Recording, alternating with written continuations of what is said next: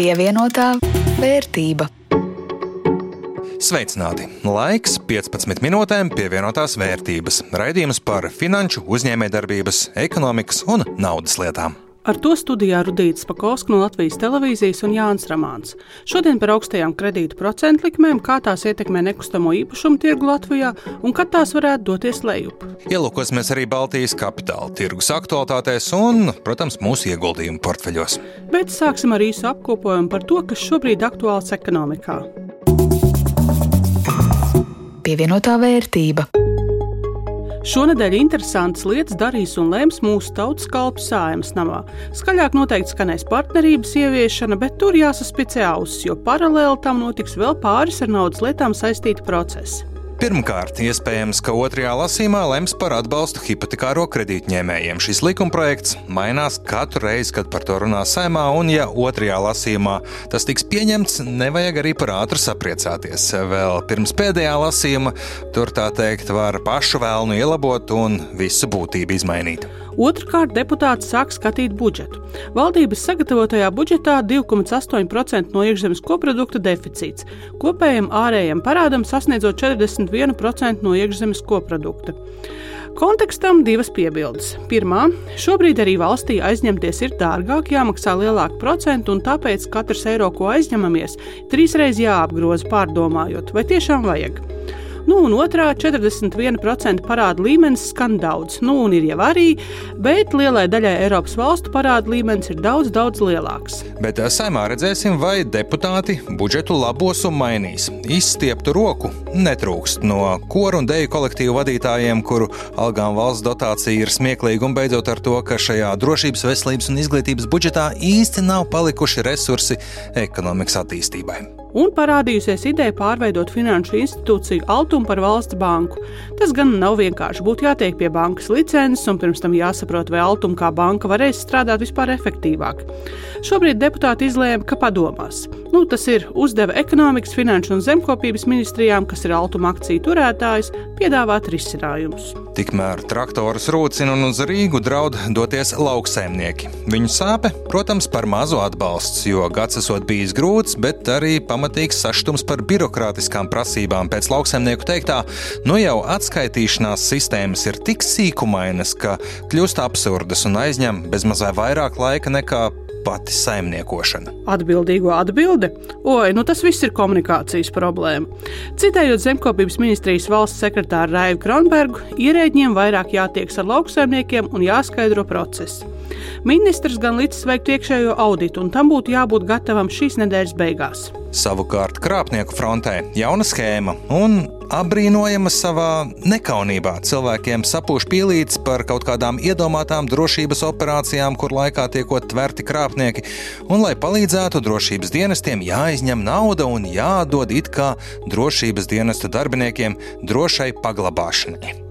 Lieki teikt, ka droša glabāšana nozīmē, ka izņemto un atdoto naudu nekad vairs mūžā neredzēsi. Te nu ir tāpat kā ar investīciju krāpniekiem. Ja piedāvājums izklausās kā no kinofilmas, ātri un neriskējot kļūt bagātam vai sajusties kā Džeimsam Bondam, tad visticamāk jūs vienkārši mēģina apkrāpt bet ASV tiesa kriptovalūtu magnātu biržas FTX dibinātāju Sēmu Bankmanu Frīdu atzinusi par vainīgu visos apsūdzības punktos - par krāpšanos, par piesavināšanos un vēl citos. Viņš līdzekļus, kurus cilvēki ieguldīja kriptovalūtu biržā, iztērēja gan savai riskantā investīciju fonda stutēšanai, lepniem īpašumiem, ziedojumiem, politiķiem un arī lai samaksātu slavenībām par viņa biržas reklamēšanu un popularizēšanu. Šīs rīcības rezultātā no FTX biržas pazuda ap 8 miljardiem dolāru. Salīdzinājumam šāda summa ir gandrīz puse no visiem nākamgad Latvijas valsts budžetā plānotajiem tēriņiem. Pievienotā vērtība. Pēdējās pāris nedēļas visi, kam ir kādi kredīti, nu, neteikšu, ka gluži var uzelpot, bet iespējams jūtas mazliet labāk, redzot, ka Eiropas centrālā banka ir pārstājusi no sēdes uz sēdi paaugstināt procentu likmes. No ekspertiem izskan frāzes par to, ka pīķis ir sasniegts, optimistiskākie jau sāk uzdot jautājumu, bet kad tad tās procentu likmes kritīs? Procentu likmju kāpums, to turēšana augstos līmeņos Ir rūktas zāles, bet bez tām droši vien labāk arī nebūtu. Nekustamo īpašumu attīstītāja Bonava organizētā diskusijā saka Latvijas Bankas monetārās politikas analīzes daļas vecākais ekonomists Erlands Krongorns. Te, protams, ir svarīgi saprast arī, ka pie augstas inflācijas nekāda stabila ekonomikas attīstība ilgtermiņā nevar notikt. Un, jebkurā gadījumā pie tā, ko noved šīs procentu likmes straujā celšana, mēs vienkārši šīs rūktās zāles apēdam ātrāk, varbūt tās vienkāršāk nekā, ja mēs ļautu tai bumbai velties un, un pēc tam kaut kad visām plīst, jo strauji augot cenām algas nekad netiks līdzi, pirktspēja kritīs un, un tas rezultāts tāpatās būs ļoti bēdīgs. Bet kā pati slimība, ko ārstē ar rūktajām zālēm, un arī, protams, pašas rūktās zāles ietekmē nekustamā īpašuma nozari. Cenu kāpums ir bijis strauji, un nekas neliecina, ka situācija tuvākajā laikā varētu būtiski mainīties, saka mājokļa attīstītāja Bonava Latvija pārdošanas un mārketinga nodaļas vadītājs Kaspars Ekša. Kopš 2018. gada būvniecības izmaksas faktiski ir pieaugušas par 51%. Un, ja kādu laiku atpakaļ lielāko daļu veidoja tieši materiālu sadārdzinājums, tad pēdējā laikā diezgan stabili izraujās jau tieši darba spēka samaksa. Un, un arī tieši sākoties karam Ukrainā, mēs saskārāmies arī ar šīm piegādes ķēžu problēmām. Diezgan liela daļa materiālu, it sevišķi, kas attiecās uz metālu, diezgan daudz koku materiālu tika arī importēti no valstīm, kas, kas bija arī Krievijas sabiedrotās. Nu, tāpat koks nāca no Baltkrievijas, tāpat metāls no Ukrainas nāca un diezgan daudz nācās pārorientēties arī uz, uz citiem tirgiem. Skatoties, ļoti grūti noprognozēt, kā, kas notiks uz priekšu, jo, jo kā, kā mēs varam redzēt, diezgan uzskatāmi, tad ir atrāvies darba spēks. Tieši ir izvirzies, ja viņš virs, visu laiku bija, teikt, līdz kara, karam Ukrainā, viņš bija mazākā sadaļa, tad līdz ar visu inflāciju tieši un arī spiedienu uz darba algām, tad šis te darba spēka aspekts ir kļūst par tādu vienu no nozīmīgākajiem tieši visas būvniecības cenas virzībai uz augšu. Un, un, jā, nu, protams, arī esošo konfliktu ietekmē, kas tagad notiek arī tuvajos austrumos, jā, kas, kas arī draud ar tādu naftas cenas iešanu uz augšu, protams, arī neko labu ne, nu, nesola tuvākajā laikā, ka tas varētu kaut kādā veidā apstāties. Tā vēl viena lieta, kas noteikti ir jāmin, ir lielie infrastruktūras objekti, kas tiek arī paralēli būvēti. Un, un, un arī tāpatās būvmateriāla cenas. Es domāju, ka tad, kad sāksies lielo uh, objektu izbūve pavisam noteikti nekritīs. Tā kā, nu, Protams, nevar nemaz zināt, kas notiks tad un kādu, kādu virzību ieņems karš Ukrainā un kas notiks tajā brīdī, kad sāksies atjaunošanas darbi. Ja būvniecības cenas kāpj un īsti pamat cerēt uz kādu būtisku kritumu nav, tad pašu īpašumu jauno dzīvokļu cenas gan neaug tik strauji, un kombinācijā ar pieaugušajām kredīta izmaksām sarūk arī pieprasījums, jeb cilvēku daudzums, kas īpašums var atļauties. Situāciju skaidro nekustamo īpašumu konsultāciju kompānijas Colliers izpētes un konsultāciju departamenta asociētā direktore Agija Vērdiņa. Pēc viņas aprēķiniem šobrīd būvniecībā ir par 30-40% mazāk dzīvokļu nekā pērn. Tagad tirgo ir ļoti daudz pieejamu pabeigtu dzīvokļu. Aptuveni 1500 dzīvokļus šodien var iegādāties un pēc mēneša jau sākt viņos dzīvot. Ja mēs paņemam šos darījumus un pieliktu klāt jaunās rezervācijas, tad pēc šāda principa mēs varētu aprēķināt, kāds ir aptuveni šis pieprasījums tirgū. Kad attīstītāji pieņēma lēmumu, šis pieprasījums bija aptuveni 3000 dzīvokļu gadā. Vidēji tika pārdot 2000. Atbilde - būvējam vēl vajag dzīvokļus, dzīvokļu trūkst. Ilgi mēs par to runājām. Tad iestājās šī situācija, trešais ceturksnis pagājušais gads, kad mm. parādījās Eiribors. Mēs pirmo reizi redzējām, ka šī aktivitāte tirgu nokrītās. Nu, labi, 2000. Nu, nav tik slikti. Principā tas pats, ko mēs pārdevām iepriekšējos gados. Bet, diemžēl, ja mēs paskatāmies šī gada šo trešo ceturksni, tad šis pieprasījums ir ap 1300 dzīvokļiem, ko mēs redzam, kas varētu būt tirgus lielums. Un jau ar pašreiz tirgu esošajiem, būvniecībā esošajiem dzīvokļiem, ar to pietiek trīs gadiem. To, ka līdzīgi rēķina arī attīstītāji, apliecina fakts, ka kopš pagājušā gada gandrīz nav reģistrēti attīstītāji veikti jauni zemes gabalu iegādes darījumi, kuros varētu notikt jaunu projektu būvniecība, piebilst Vērdiņa. ir diezgan daudz attīstītāju, kas iepriekšējos gadus ļoti aktīvi iepirka zemes. Kur varbūt ir vairāk tā problēma, ka pirms tam lielu daļu no tirgus veidoja arī teiksim, tā, mazāk profesionāli attīstītāji vai tādi, kas attīstīja pa vienam projektam. Ja mēs paskatāmies, tad kopš pagājušā gada nav iegādāta gandrīz neviena zeme attīstībai kas nozīmē, ka, ja viņi neiegādājas zemi un viņi neiet uz priekšu šos soļus, tur ir tas, kur rodas tas risks ar šo piedāvājumu trūkumu. Jau pašlaik būvniecībā ir, ja nemaldos, par aptuveni 20-30% mazāk dzīvokļu, kā bija pirms gada kas ir viens no iemesliem, ir šis lielais dzīvokļu daudzums, kas ir nepārdots. Attiecīgi, attīstītājiem iet uz priekšu. Sākt būvēt jaunas mājas, ja portfelī ir, nezinu, piemēram, simts nepārdoti dzīvokļi, nav pārāk loģisks risinājums pie pašreizējā pārdošanas tempa. Ņemot visu vērā, loģika saka, ja situācija stabilizēsies, būs mierīgāki un prognozējamāki laiki, kredītu procentu likmes atgriezīsies veselīgos līmeņos, tad pieprasījums kāps, bet nebūs piedāvājumu, un tas neizbēgami nozīmēs cenu kāpumu. Bet šobrīd Krītot pieprasījumam, saskroties ar grūtībām pārdot sabūvēto, tirgū sāk parādīties arī dažādi īpašie piedāvājumi. Piemēram, par jaunu dzīvokli divus gadus nav jāmaksā komunālie maksājumi, virtuves iekārtas un stāvvietas nāk bonusā. Šādi savā ziņā uz sava rēķina. Attīstītāji cenšas pārliecināt pircējus nebaidīties no augstajām procentu likmēm un vienlaikus tās arī kaut nedaudz kompensēt. Attīstītāja Bonava pārstāvis skaidro, cik daudz naudas par Eiriboru kā pārkāpumu pārmaksā viņu klienti paņēmām divus tādus tipiskos mūsu projektu dzīvokļus. Divi stāv divos no mūsu projektiem. Viens ir Drēliņos, viens, viens ir Krasta kvartālā, Maskavas ielas rajonā. Un, un, un faktiski ir tā, ka cilvēkam, tad, ja viņš ņēma hipotekāro kredītu brīdī, kad Eiribors tik, tik, tikko sāka, sāka kāpt uz augšu, viņš līdz šim brīdim ir samaksājis, vai, nu, kā mums mēdz teikt, pārmaksājis. Ja? Kaut gan nu, īsti tā to nosaukt arī nevar līdz galam. 2775, 2385 eiro tikai uz Eiribora pārmaksu ja, pa šiem diviem gadiem.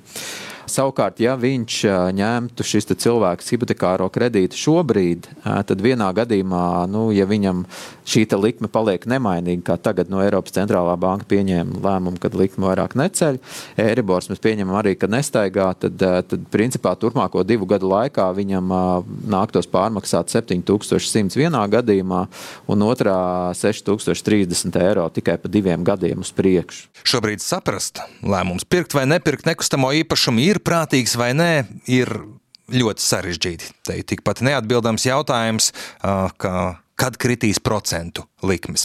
Uz to grūtības atbildēt ir arī Latvijas bankas ekonomistam Erlandam Krongornam. Šādi jautājumi atbildīgi sniegt ir ļoti sarežģīti, bet tas, ko saka oficiāli centrālā banka šobrīd, Eiropas centrālā banka saka, ka esošais procentu līmenis uzturēts pietiekami ilgi, būs eh, pietiekams, lai atgrieztu inflāciju cenu, tātad inflāciju centrālās bankas mērķa līmenī. Nu, respektīvi, kas savā ziņā nozīmē, ka eh, varētu būt, nebūt nepieciešams tālāk palielināt procentu likmes. Un tad eh, to, ko mēs varam redzēt, eh, varbūt tās tā kā centrālajai bankai nekādu baigo prognožu uz priekšu par procentu likmēm nav. Un patiesībā centrālā banka arī saka, ka eh, mēs skatāmies no sēdes uz sēdi ienākošos ekonomiskos datus un tad pieņemam lēmumus par procentu likmēm. Tad to, ko mēs varam izdarīt, mēs varam paskatīties uz finanšu tirgiem. Un finanšu tirgos tur ir kaut kāds gaids, kas veidojās ja, tātad, finanšu tirgus dalībniekiem ja, un, un, un, un kā viņas izskatās, viņu, viņu vērtējums par situāciju, kur, protams, arī līdzīgi kā nu, centrālā bankā, arī eh, ir eh, ļoti daudz ekonomistu un esi prognozes. Kad uh, tiek gaidīts, ja, ka šīs procentu likmes varētu samazināties nākamā gada otrajā pusē, bet, nu, protams, tas nenotiks, nenotiks strauji. Eiropas centrālajai bankai procentu likmes samazināt strauji varētu likt tikai tādi apstākļi, ja Eirozonas ekonomikai būtu patiešām ļoti slikti. Draudētu pamatīgs bezdarbs, masveidīgi uzņēmumu bankroti. Par laimi šobrīd tā nav un vismaz tuvāko gadu ar procentu likmēm esošajā līmenī visticamāk būs jāsadzīvo. Pandēmija un karš ir parādījis, ka prognozes ir ļoti nepateicīga lieta, bet abi nekustamo īpašumu nozares eksperts saka, ka labāk nepār pārāk laba stabilitāte nekā augsti riski un nenoteiktība. no vienas puses nekustamo īpašumu tirgus pēdējos gados, kā es teicu, jau ir pieredze pie tā, ka visu laiku kaut kas mainās un neko vairs nevar prognozēt. Bet, nu, protams, gribētos kaut kādu laiku pastrādāt normālos tirgus apstākļos.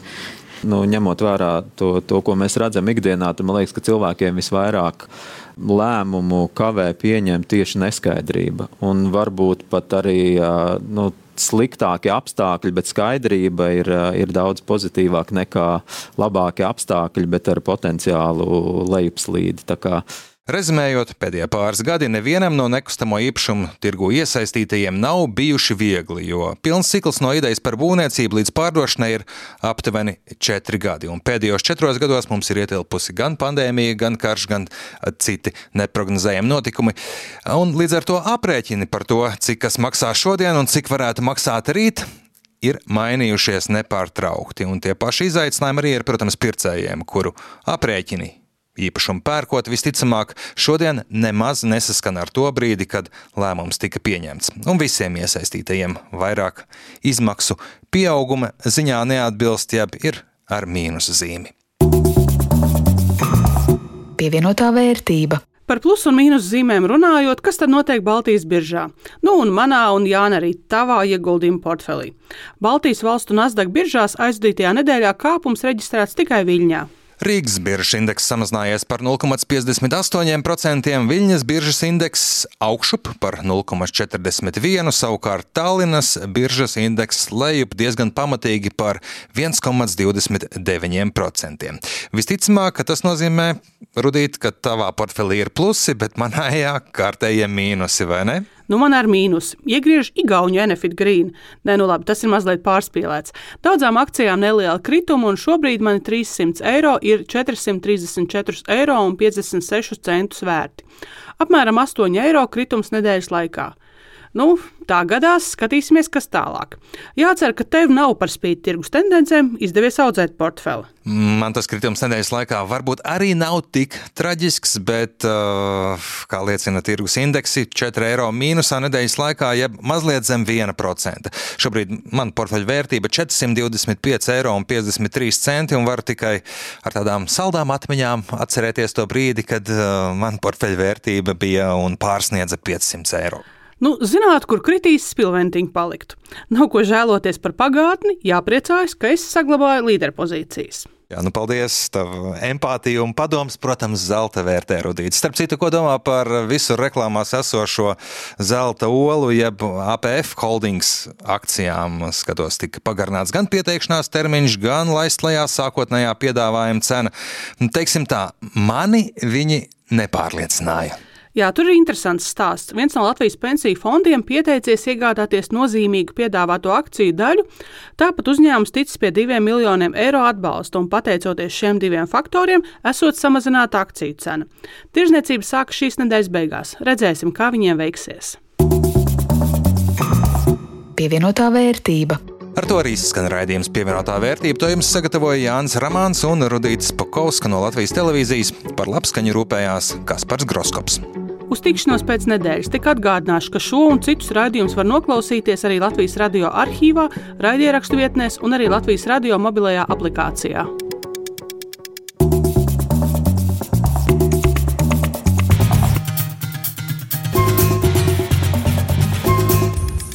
Pievienotā vērtība.